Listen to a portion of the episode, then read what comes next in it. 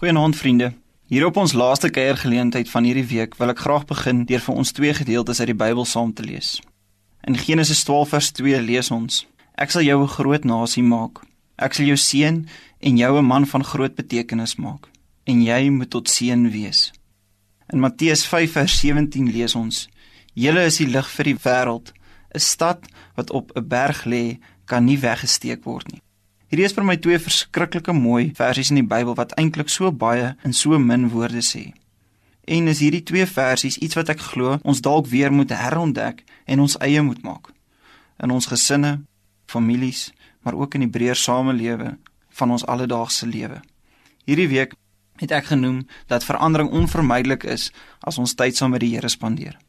Dit is soms 'n harde pad om nie te kyk Maar die moontlikhede wat daardeur ontsluit word, is nie alleen verrykend nie, maar ook tot 'n groot mate weerspieelend van die Here se liefde vir ons en vir die wêreld.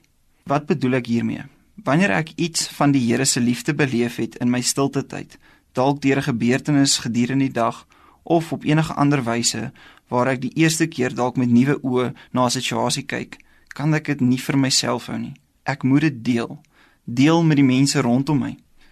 Kom ons probeer dit lekker prakties stel. Hierdie voorbeeld is van toepassing op ons gesinne, maar dit moet ook nie net eers daar by ons bly nie. Dit moet verder gaan. In ons samelewing is dit veral belangrik, want ons sit nie meer rondom 'n tafel en eet nie.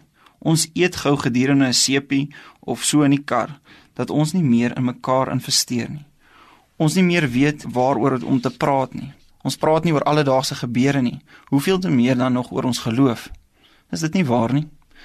Maar wanneer ek tyd neem om saam met my vrou te lag oor iets wat gebeur het, gebeur daar iets wat ons saambind.